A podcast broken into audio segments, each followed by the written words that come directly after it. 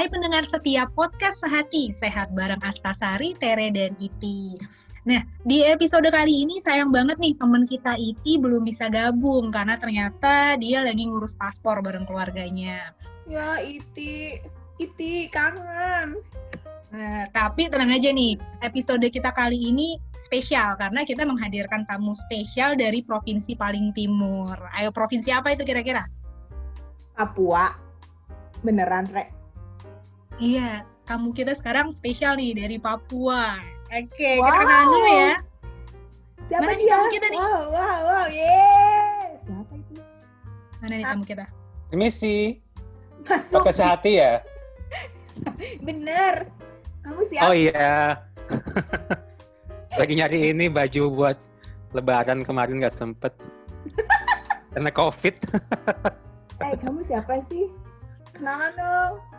Oh, halo. Halo pendengar Hai. podcast sehati. Kenalin, aku Galio. Aku sehari-hari bekerja di lembaga swasta sebagai eh, officer untuk Adelosen di Papua dan Papua Barat. Wow. Ngapain, Gal? Kenapa? Di sana ngapain? Ngurusin apa? Urusin macam-macam anak-anak, remaja, kesehatan, pendidikan. Sekali-sekali jalan-jalan ke pemerintah, ke kampung, ke hutan bahkan. Wow, ke hutan. Oh iya, Iya, ada hutan. Maaf ya. iya. Tapi sana banyak singa, di sini nggak ada singa. Serius? Wow, serem banget sih. Hey, Gal. eh, Ya. Pengen tahu dong situasi COVID-19 di, di Papua Angkanya nih, secara keseluruhan ya. eh, kalau angkanya, angkanya di Papua udah tembus 2000 Mbak Riri dan Mbak. Tere. Lebih ke apa ya namanya? Lebih ke kehidupan orang-orang menghadapi COVID-19 ini. Misalnya mereka itu apakah parno, terus gimana gitu? Apa mereka jadinya akhirnya nggak mau apa membatasi diri nggak keluar keluar rumah atau kayak gimana gitu loh. Ke- ada karena kalau di Jakarta kan eh, waktu awal-awal ini ya mereka lebih banyak eh, stay di rumah gitu kan. Baru setelah akhir- setelah akhir-akhir ini aja yang sudah mulai pada aktivitas di luar rumah gitu. Pengen tahu itu sih kalau di Papua kayak gimana sih? Oh gitu, jadi gini nih, eh, Mbak aku ceritain dari awal dulu ya. boleh boleh boleh. Gimana? Nah, dari awal tuh kan eh, waktu COVID udah masuk di Jakarta tuh, yang satu orang dari dari orang Jepang tuh kena. Nah kita di Papua udah panik juga nih, udah mulai wanti-wanti jangan sampai orang datang ke Papua bawa virus gitu loh. Apalagi Jayapura kan, pintu masuknya Papua kan kota Jayapura. Nah kami ini di Jayapura bahkan. Nah, eh beneran orang masuk ternyata dari transmisi yang diimpor dari luar, dari luar Pulau Papua gitu loh. Jadi bukan lokal, masih impor dari luar gitu. Nah, itu kita pada panik semua tuh, semua pada langsung borong hand sanitizer, terus sabun cuci tangan tuh bahkan habis di supermarket, di hypermart, di mana-mana habis. Hand sanitizer juga habis tiba-tiba, masker pun kosong tiba-tiba. Ada pun harganya selangit. Sama lah kayak Jakarta, tapi Papua yang sumbernya di mana lagi cuma dikit tokonya yang jualan kan. Jadi pada panik. Nah, beriring waktu yang terjangkit COVID-19 ini makin banyak, makin banyak akhirnya menjadi transmisi lokal dari orang satu ke orang lain di lingkungan sekitar gitu loh. Tapi di sini juga di Papua ada ada beberapa anggapan Mbak Riri yang jadi mitos juga sih sebenarnya dan Mbak. Tere Apa tuh? apaan tuh bahwa orang-orang asli Papua itu kebal dengan virus corona karena memiliki sistem imun yang tinggi banget. wow bisa? apa Enggak. Iya karena bayangin dari dari dua dari seribu seribu tujuh ratusan lebih penderita COVID-19 di Papua Heeh.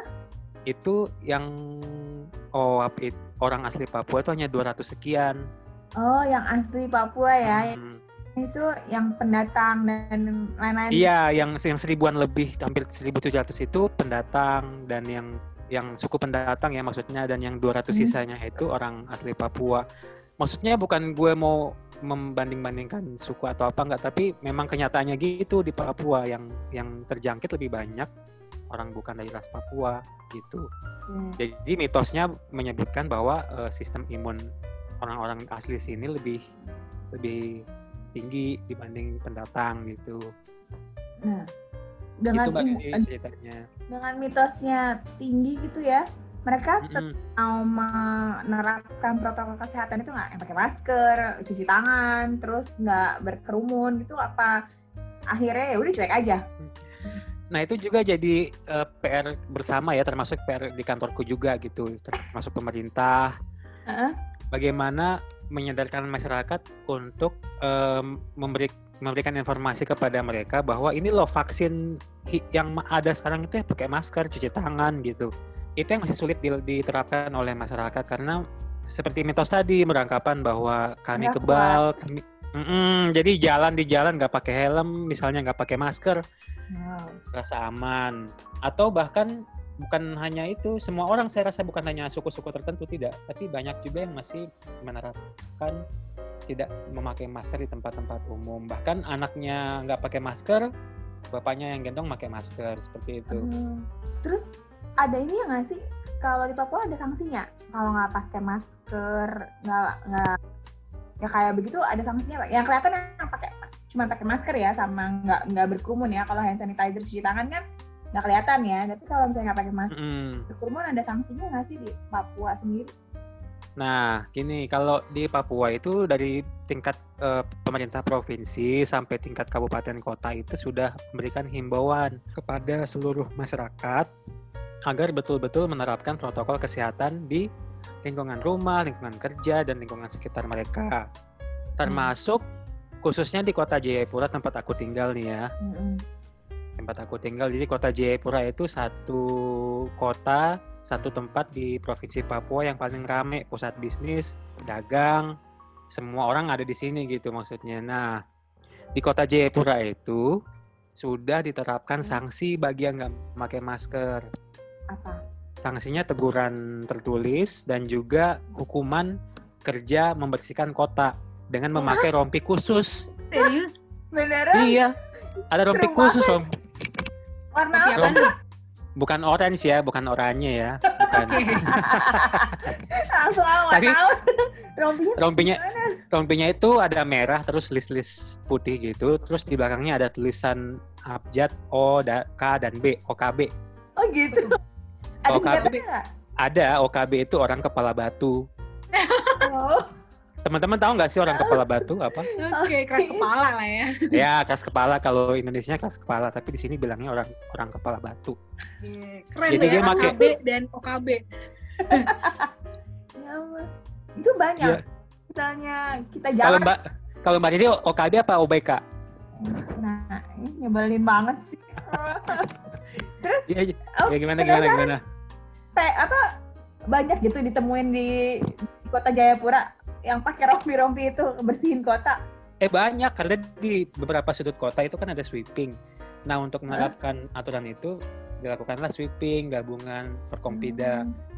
Eh, ada Pemda, ada Satpol PP, ada polisi, ada tentara TNI gitu. Ada ya beberapa bahkan di, di, di dikirim fotonya di share di berbagai grup malu kan orangnya kasihan.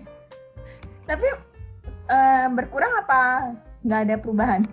Nah untuk Jayapura itu kasusnya udah 1.200 menuju mau 1.300. Ya, Udah menuju zona hitam kali ya kalau 2.000 ya Mbak Didi, Mbak Tere ya. ya masih merah kayaknya ya. Masih merah ya. Juga maksudnya kan udah ada sanksi itu. Maksudnya yang pakai masker sama yang nggak berkerumun tuh berkurang atau ya itu OKB tadi orang kepala batu jadi tetap nggak ada perubahan gitu. Nah ini berhubungan dengan tadi aku awalin cerita Mbak. Jadi ketika awal-awal COVID-19 itu masuk ke Papua itu orang semua kan pada panik tuh. Termasuk Pemdanya juga pada panik dengan menerapkan eh, pembatasan aktivitas warga da- dari jam 6 sampai jam 6 sore. Lalu dari jam 6 sampai jam 2 siang bahkan sempat pada saat lebaran tuh sampai jam 2 siang jadi setelah itu nggak boleh keluar keluar lagi ada ada pembatasan jalan di, di blok gitu blok area blocking area Hmm. gitu Kalau sekarang Nah, itu pun masyarakat semua pada tenang di rumah. Nah, sekarang itu kayak mereka udah ya udah pasrah lah. COVID mau kena atau enggak seleksi alam lah katanya. Jadi mereka udah pada keluar semua gitu loh. Hmm, sama ya berarti ya Re ya. Udah Ah, pada rame, ya, Pan- Re ya. pantai udah rame. Kan Hmm. Jayapura banyak tempat wisatanya tuh pantai. Bahkan eh, mall udah mulai Oh, buka. mau udah rame ya? Hmm. Mall udah mulai rame. Mall, eh, tempat pijit kakiku dan lain-lain itu terus. Serius bahkan di sini tempat pijat belum Tempat semua pijet buka. di eh, eh Di sini udah Ya. refleksi udah bahkan gue juga bingung Hmm. kok bisa Wow. Luar biasa. Bahkan- kan bahkan klinik klinik kecantikan terkenal pun udah buka istilah eh, inisial N udah buka udah udah facial facialan gitu gitu Hmm, Luar biasa. iya. Terus Tapi mungkin karena PSBB-nya eh, mungkin udah dikendorin gitu kali ya. Mm-mm, dan eh, pemimpin di wilayah kota juga kan udah bilang bahwa kita juga nggak bisa gini gini gini terus karena ya kota ini kan kota jasa kota bisnis jadi kalau nggak ada itu ya mati kotanya gitu istilahnya Oke, I see. Karena kan Jadi kalau di mulai-mulai Jakarta, udah di. Eh? ya karena kan kalau di Jakarta di Tangsel itu PSBB-nya masih belum kendor nih. Jadi memang nggak semuanya bisa dibuka. Tangsel itu masuk Jakarta ya mbak Beda dong Banten, Cin. oh beda oh oh iya Beda. oke ada daerah Beda. perbatasannya. Aduh, Galio. Udah lama ya ke Jakarta ya? oke terus gimana mbak Tere Gue shock aja tuh ke tempat pijet udah buka. Gue rindu banget tempat pijet sungguh. Iya. Jadi tapi tetap masih dengan protokol kesehatan gitu mereka buka terus dibatasi buka hanya sampai jam 17 wilayah Indonesia Timur WIT jam 5 sore istilahnya. Semuanya. Semuanya mall, toko Iya. gede. Kalau kelontong sih masih bisa sampai malam ya, tapi kalau toko gede, supermarket, pelayanan jasa semuanya tutup jam 5. Eh, kan kalau di Jak kalau di Jakarta tuh ada apa Car Free Day gitu ya. Nggak Car Free Day, Mm-mm. nggak kayak dulu gitu kan. Ada wilayah wilayah-wilayah yang apa tempat olahraga gitu. Kalau di Papua ada nggak sih? Di Papua Car Free Day ada tapi tidak terpusat gitu, jadi terpencar eh, nyaman untuk mereka melakukan aktivitas olahraga outdoor gitu tiap Sabtu Minggu. Rame nggak? Rame, sem- apalagi sepeda. Semenjak Hmm. Covid ini sepeda udah di mana-mana udah kayak motor.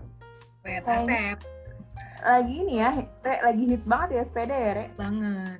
Hmm, bahkan nyokap gue jadi korban juga beli satu sepeda, Jadi kalian nemenin dong. nemenin belanja sepeda ya karena aku punya Oh. sepeda. Jadi Terus? eh, mama saya kepincut gitu pengen beli juga. Iya, nggak. em, Galio nemenin itu sepedaan juga. Oh iya iya, Ha-ha. iya bener. Nah, Galio nemenin sepedaan juga. Soalnya mau kita mau olahraga di tempat eh, jasa yang menyediakan eh, layanan olahraga fasilitas gitu kan nggak bisa, Mhm. belum boleh. Dan kita juga masih takut sih sebenarnya. Tapi udah buka belum? Belum. gym gitu ya. Ada sih yang nakal beberapa aku dengar dari teman-teman itu udah buka di tempat-tempat gym murah em, rumahan sorry itu udah mulai buka. Kayaknya. Tapi yang yang branded yang ternama gitu di kota sini belum buka sih. Jadi kalau kalau boleh digambarin Papua udah mulai normal lagi lah ya, udah seperti biasa lagi lah ya. Mm-mm. Cuman dibatasin gitu ya Sampai waktunya. jam 5 sore ya. Habis itu udah back to home udah sepi jalanan. Karena waktu dulu pernah gue re ke Papua ditemenin sama Galio sampai Yes. malam kita jalan, ya kan Gal? iya, Mbak Iya. Rini kaget kan, Papua kok bagus banget gitu kan. Anak-anaknya cakep-cakep, cantik-cantik. Uh. I- itu ada apa Gal? Kalau foto di mana? Kalau foto yang di hotel itu apa Gal namanya? Bilangnya Hong Kong. Rooftop. Bukan Hongkongnya Papua. Apa sih yang Galio bilang? Hmm, Makau, Makaunya Oh. Papua. Iya, Iya, iya. iya, iya, kan Hong Kong, Hong Kong. Hong kirain Kong, Hongkongnya Makau. Enggak, Hongkongnya Papua kalau udah malam ya Gal ya? Iya, Gitu. karena mirip, karena Jayapura Gitu. itu konturnya mirip Hong Kong, jadi pegunungan, kotanya, rumah-rumahnya itu ke arah gunung, bawahnya laut, pantai gitu, teluk lagi sama lah. mirip. Tapi kalau udah sore, udah udah lampu-lampunya udah nyala ya, kelihatannya Hmm. berkenan Mm-mm. gitu. Re, nah penasaran kan, Re? Enggak. Nggak kuat gue di pesawatnya lama banget. Riri ke sini Mbak Tere. Ya sih, agak lama sih ya di pesawatnya. Enak enak penerbangan malam ya, ya Gal ya. Nyampe-nya pagi ya Gal. Mm-mm, jadi setara ini kita ke ke eh, ke mana Dubai, Jakarta Dubai. jamnya sama 6 jam. Betul. Iya, kita kita tidur aja di pesawat jadi pagi-pagi udah nyam apa bangun-bangun udah, udah nyampe Papua gitu tengah malam ya kan kalian? Asik. Hmm. After COVID ya. Oh iya dong, harus kayaknya harus di ini deh, di kondisi. After Covid kapan ya? 2025 atau kapan tuh? Eh, Jangan lama-lama dong. jangan lama-lama dong. Oh iya. Galion sekarang WFH atau WFO atau sip-sipan? Aku kebetulan eh, WFH, tapi kalau bosan aku ke kafe minum-minum gitu. Karena udah ada beberapa kafe yang udah buka, olahraga juga sorenya gitu. Jadi nggak bosan di rumah terus WFH. Mantap, mantap. Terus kalau waktu awal-awal yang nggak bisa ke mana-mana, ngapain aja gal di rumah gal? Bosen dong. Pasti mati Iya gaya. bosan. Mati gaya. aku jerawatan beruntusan. Kasian banget sih. Ya ampun. Jadi ngandelin ngandelin ini olahraga lewat YouTube aja sih sebenarnya. Kan Hmm. aku punya peralatan di rumah juga agak lengkap sih lumayan. Ah, Mantap. Dumbbell terus eh, matras gitu-gitu. Tapi Galion nih karena di Papua ya, dia bisa ke hutan, bisa ke pantai. Jadi olahraganya bermacam-macam ya, Re. Kayaknya enak ya, Re. ya. Kalau di Tinggal Jakarta, pilih. iya tinggal kalau di Jakarta kayaknya ke area Car Free Day doang. Lo kan ada Ancol, Pantai Marina segala macem. Jauh ya, Bo. Tapi itu juga masih kalau di sini masih pakai protokol kesehatan ya, Re. ya. Yang di yang di itunya masuk masuk ke dalamnya. Hmm. Iya. Jadi masih Oh gitu. bebas nggak nggak bebas gitu masuk ke dalamnya gitu. Wow. Hmm. Terus? biasanya kalau misalnya sosialisasi yang tentang adaptasi kebiasaan baru di Papua pakai dari mulut ke mulut atau pakai media sosial atau gimana sih Gal yang paling apa ya paling bisa diterima yang paling gampang? Karena kan orang Papua yang aku tahu ya mereka bahas pemahaman bahasa Indonesianya kan nggak se apa ngerti gitu. Tapi maksudnya ad- kadang-kadang ada yang kurang apa ya beda beda persepsi aja gitu kan. Oh kalau iya, oh gitu kan Eh, kalau kalau untuk bahasa untuk wilayah Papua pada umumnya gunain bahasa Indonesia. Cuma memang untuk daerah re- remote area atau di pedalaman yang mereka sehari-hari menggunakan bahasa daerah memang agak agak agak susah untuk menggunakan bahasa Indonesia. Jadi eh, pemerintah daerah setempat beberapa kabupaten aku juga melihat itu mentranslate atau menerjemahkan beberapa himbauan dan juga pengumuman informasi terkait COVID-19 ini dalam bahasa daerah baik itu Hmm. cetak maupun eh, media audiovisual, suara dan juga eh, video begitu. bahasa daerah coba Gal kalau apa namanya pakai masker bahasa ga- bahasa daerah bahasa daerah gimana Gal kita tes Gal yuk kayaknya dia lupa nih bahasa daerahnya dia Don't forget your mask. Hmm. Nyebelin kan Re nyebelin kan Re Eh di Papua itu ada 300 bahasa, jadi bingung kita mau gunain yang mana. Jadi makanya banyak kebanyakan orang Papua masih pakai bahasa Indonesia, bahasa Indonesia Melayu gitu-gitu. Jadi karena satu kabupaten bisa puluhan bahasa, satu satu kelurahan itu bahasanya bisa beda, sukunya beda gitu. Makanya ada 300-an bahasa di sini di Papua. Jadi nggak ada bahasa yang general yang bisa kita pakai. Makanya semuanya bisa ngerti bahasa Indonesia kecuali yang tadi yang aku bilang di daerah terpencil yang memang mereka hanya satu homogen gitu kan satu satu suku aja jadi mereka pakai bahasa suku mereka sendiri gitu. Kalau di kota kabupaten yang udah mulai terbuka itu biasanya udah bahasa Indonesia. Karena lebih ter, lebih terbiasa bahasa Indonesia ya kalau yang udah apa ya yang udah beradaptasi dengan apa? Mm-mm, tepat sekali Mbak Indonesia Dini. ya. Mm-mm, Oh, ya iya ampun. benar tapi tertarik sama itu loh Re. Yang hukuman sanksi sosial suruh pakai rompi gitu loh. Iya ntar gue kirimin deh ke WA atau ke mana. Iya Oke. nggak nggak soalnya nggak nggak nggak viral aja gitu di Papua. Eh biasanya kalau misalnya pakai kayak gitu kan viral gitu kan ini ini nggak nggak Di- banyak untuk untuk tingkat Papua viral sih sempat karena em, di Papua penggunaan medsos terutama Instagram, Facebook Mm-mm. dan Twitter itu banyak dipakai masyarakat di sini gitu. cuma anak-anak milenial kayak Galio ada yang yang Mm, jadi ada beberapa account Instagram misalnya dia men-share nanti bisa di repost, bisa di ini banyak banget bahkan sampai ke WA grup segala macem gitu. Oke. harapan lo gimana Gal buat Kenapa? COVID-19 ini Gal Harapan gue Iya, Yoi. sama sama buat ke depannya gimana eh, apa orang-orang Papua dalam menghadapi COVID-19 ini Gal? Ya harapanku sih eh, masing-masing kembali ke masing-masing sih sadar bahwa COVID-19 ini berbahaya dan juga eh, berisiko dapat mematikan gitu kan. Jadi setiap individu eh, harus mengedepankan protokol kesehatan ketika beraktivitas berada di luar rumah. Sebenarnya itu dulu sih yang yang terutama karena pemerintah juga nggak bisa kerja sendirian. Kita mereka juga perlu dukungan masyarakat dalam bentuk menerapkan protokol kesehatan gitu. Nah sekarang kan Papua udah tertinggi nih terutama Jayapura untuk kasusnya udah 1200-an lebih udah ter- udah masuk udah masuk lima besar lah istilahnya di Indonesia kota dengan Di tingkat kotanya ya, daerah Mm-mm. kotanya. Beliau kapan mulai aktif lagi? Ke kantor lagi desa? Eh, nunggu instruksi sih dari kantor sebenarnya mau ke kan mau kerja kapan. Tapi untuk koordinasi sih biasanya sering bertemu gitu, jadi bisa keluar. Jadi nggak terlalu kaku bahwa harus di rumah terus gitu enggak. Oke. Ini kayaknya si Tere ada masalah sama sinyalnya deh. Iya, tiba-tiba tadi gue putus. Wah kalah nih dari sinyal Papua nih.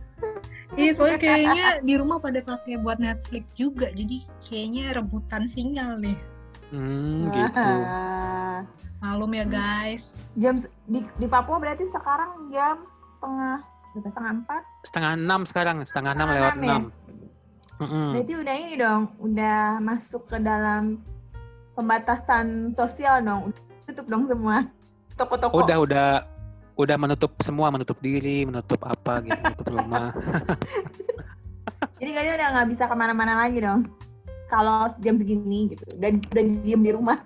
Eh, bisa aja sih kalau aku kalau mau ke mana gitu misalnya. Tapi kalau nggak ada yang penting sih nggak nggak keluar. Good. Karena Iya. udah nggak ada udah nggak ada blocking area lagi. Kalau dulu kan masih ada. Sekarang lebih ke ini sih Mbak, ke lebih ke masing-masing pribadi gitu. Kalau itu gereja udah pada buka belum gal? Nah gereja juga udah pada buka. Wow, serius? Udah buka dari tiga minggu lalu bahkan. Banyak yang datang. Banyak dan bahkan herannya saya ada juga nggak pakai masker tuh. Makanya aku sempat protes juga. Jaga jarak nggak? Eh, iya satu bangku deret bangku tuh cuma dua jemaat gitu. Eh, Protokol protokol ditetapkan cuma ada beberapa memang em, orang yang memang tidak patuh dengan tidak menggunakan masker. Kayak cipika-cipiki gitu, Gal, kalau ketemu. Nah, itu masih Ah. banyak nggak? Nah itu di awal-awal tuh sempet tuh kelupaan cipika-cipiki salaman tau tuh eh iya corona lupa gitu. ya ampun.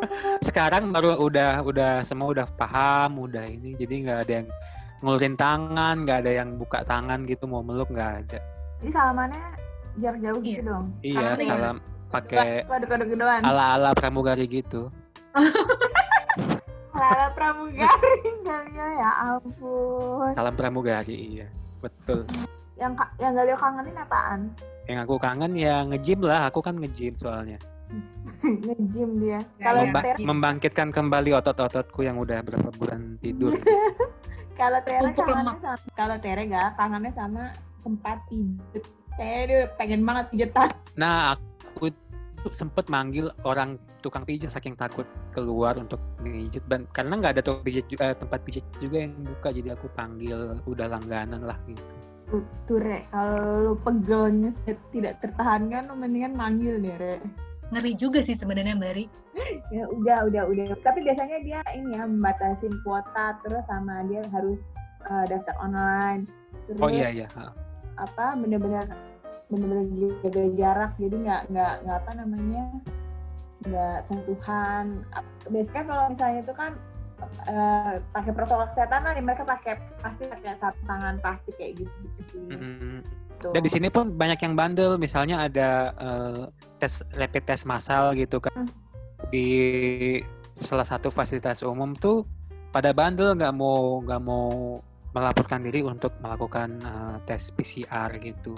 Itu sering terjadi di sini di Jayapura khususnya. oh gitu Hmm. kangen sih jalan-jalan gitu loh cuman kalau misalnya harus menerapkan protokol kesehatan masih karena agak kalau misalnya mau melakukan perjalanan jauh gitu kan kita harus swab test gitu kan terus kalau yang di Jakarta harus ada su- surat izin keluar masuknya itu yang males gitu Mm, Dan iya, kantor banget. Nah. tuh- kantorku juga belum ada dinas-dinas sih, jadi aku masih masih aman gitu. Kalau suruh terpaksa misalnya dinas pun, ini mikir juga deh, karena banyak banget protokolnya harus yang surat izin. Emang anggaran jalannya masih masih ada? nggak tahu juga sih. Cuma kan takutnya ini ya, ada emang emang ada yang harus dilakukan gitu kan.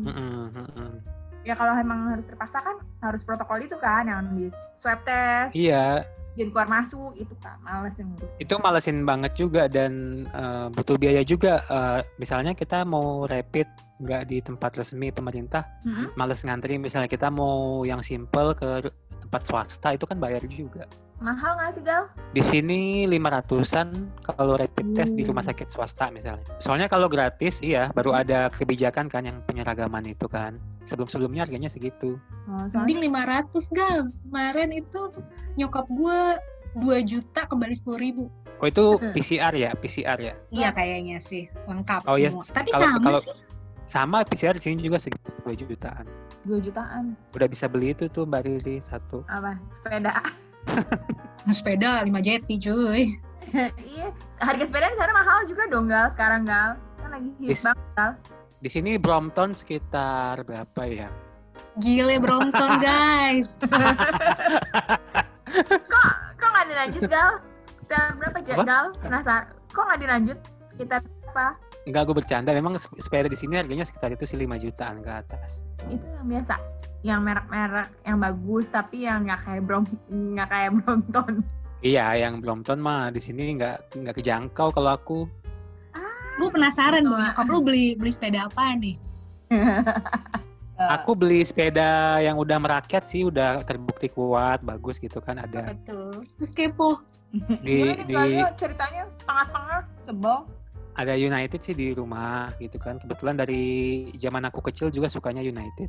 Gue kira Brompton loh itu nanti itu nggak Nah, dipakai nggak Nanti lah. Soalnya soalnya eh, Papua kan medannya eh, tanjakan turun gitu kan. Kalau sepeda lipat itu kayak kayak lu naik langsung patah gitu di sini.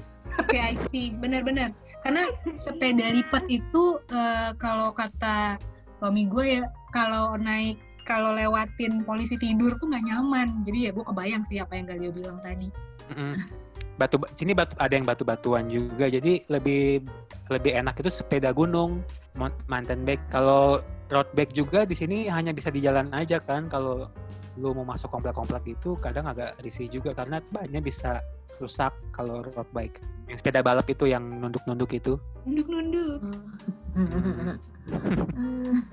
Tapi gue penasaran nih Gal. So far Papua aman kan ya Gal? Ya kayak kerusuhan atau something lah. Untungnya COVID ya jadi aman-aman aja semua ya pada ampun, fokus ke COVID. untungnya covid ya. Enggak, sejauh sejauh ini aman ya Ka- kalau situa- situasi Kamtipmas di Papua aman.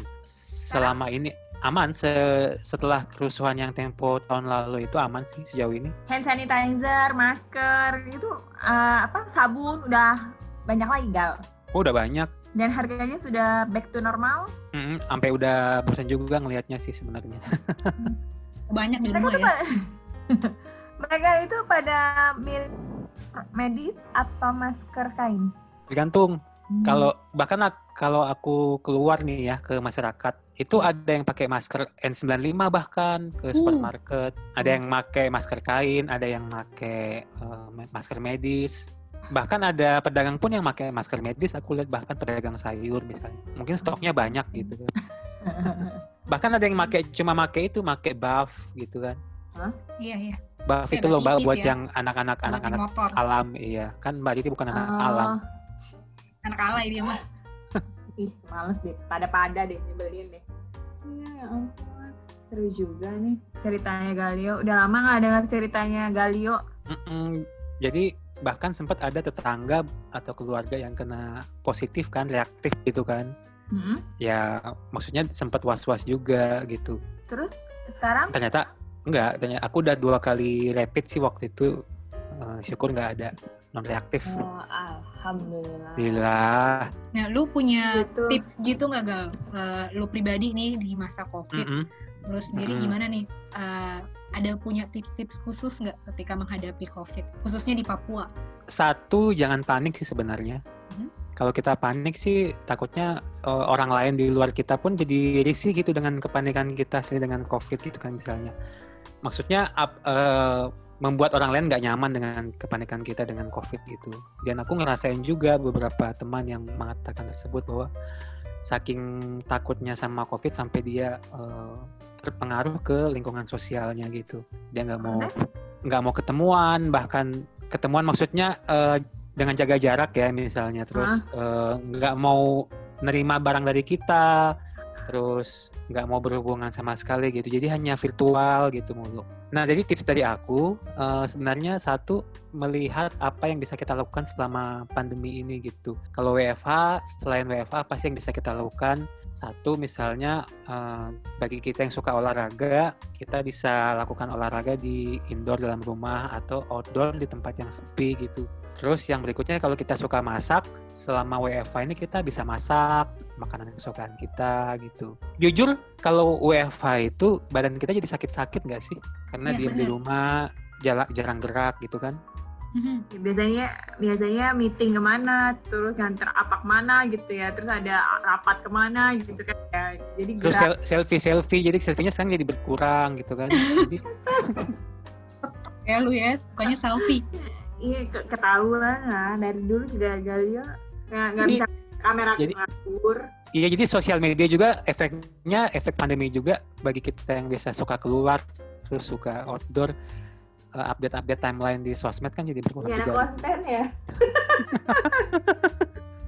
eh, ini, jadi ini kembali ke kembali ke tips sih? aku tadi, uh, Ke, kembali ke tips aku tadi, aku, ya kita yang tahu diri kita sendiri kan, jadi kita di selain WFH atau yang udah mulai WFO, apa yang bisa kita lakuin, ngatur jangan sampai kita jadi stres gitu. Stres boleh tapi kan tentu masih bisa kita atur gitu kan dengan hal-hal yang bisa kita lakuin selama pandemi ini selain menjaga jarak, mengikuti protokol kesehatan, juga uh, nge gimana caranya ngebahagiain diri dan juga orang di sekitar kita selama pandemi. Aku mikirnya segitu sih. Ngomong apa tadi, Re inget nggak? Dengar nggak sih, Re? Uh, konten di medsosnya Galio mulai berkurang sejak pandemi COVID-19. COVID-19. Mm -hmm. Emangnya eh konten lu terakhir kapan update? Kayak kita harus cek deh. Apa sih IG lu gak? Share dong. Buat ya, aku aku update cuma maksudku gini. Jadi hal-hal yang kita masukin ke timeline itu ke feed itu misalnya eh, barang-barang yang agak lama yang belum yang kita hmm. lakuin sebelum sebelum protokol kesehatan dilakuin. lagi gitu ya, kayak nge-repost yang lama. Ya gitu. nge-repost terus uh, apa? Apa sih namanya kalau throwback, udah gitu. ya throwback gitu-gitu? Sih IG-nya Gal buat teman-teman sehati. Boleh IG boleh Facebook apalah pokoknya. Apa sih yang mereka pasti uh, siapa tahu mereka apa sih yang throwback ya si Galio? Yang oh. kontennya setelah sebelum IG aku apa? Gali at galio.rudolfo bisa dicari di IG galio.rudolfo ya. Atau enggak buka buka Riri atau enggak Teresia Rabina nanti ada nama aku di situ. ya ampun, yakin lu ada nama lu di tempat gua. gitu, gampangnya gitu kalau nama aku agak susah kan, jadi bisa cari di mbak berdua ini. Yeah. Eh, ini, ini gua ada pertanyaan penting nih, pertanyaan uh, penting uh, nih belum belum lama, uh, belum lama nih ada yang nge-add Instagram gua nih itu terkait kos-kosan Papua dan gue lihat mutualnya itu ya teman-teman kuliah kita juga gitu. Nah gue penasaran ini sebenarnya yang punya siapa ya? Apa namanya ya? Abe Abe Pura ya kalau nggak salah ya Ren? Yes, itu punya siapa sih sebenarnya? Abe Karta. Abe eh, Karta, bener. Gue sampai nyari loh. Abe Karta itu ini uh, mini projectnya Mekarta. serius? Eh, serius, serius, serius, serius, Galio. Serius, Galio. Enggak itu iya itu uh, usahaku dan Wow. Usaha dengan loh. Usaha kos-kosan eksklusif juga penginapan gitu. Bisa bisa harian dong nggak El? Kalau misalnya bisa. Jadi kalau Mbak Riri mau penginapan low budget bisa check-in ada di OTA OTA kita kok di aplikasi booking itu. Jadi abkarta.id ya. abkarta.id ya, abkarta resident sih namanya. Kayaknya lebih gampang ya abkarta.id deh dibandingin Galio Rudolfo. Iya beneran. Aku kan low profile jadi gak apa-apa lah. eh, eh, Tere, jangan lupa juga. Sehati udah punya Instagram loh. Oh iya, kita sehati punya Instagram gal. Gimana Mari? Eh, apa sih kok gue jadi Aku lupa? udah aku udah udah kepo-kepoin sih namanya at podcast hati ya.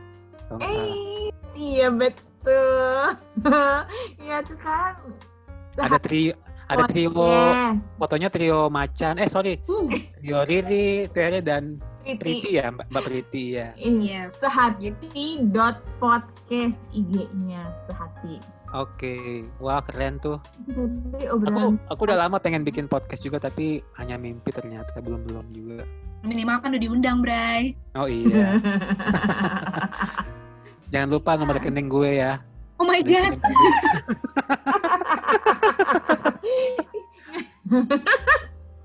ya Harga kopi nggak apa-apa lah harga kopi. Tere. Di Papua mahal kayaknya, Bray. Eh kopi Papua enak nanti gue bawain kalau kita ketemu ya. Uh, bener loh ya.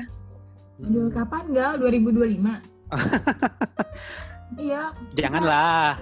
kita udah mulai, aduh, rindu ternyata ya.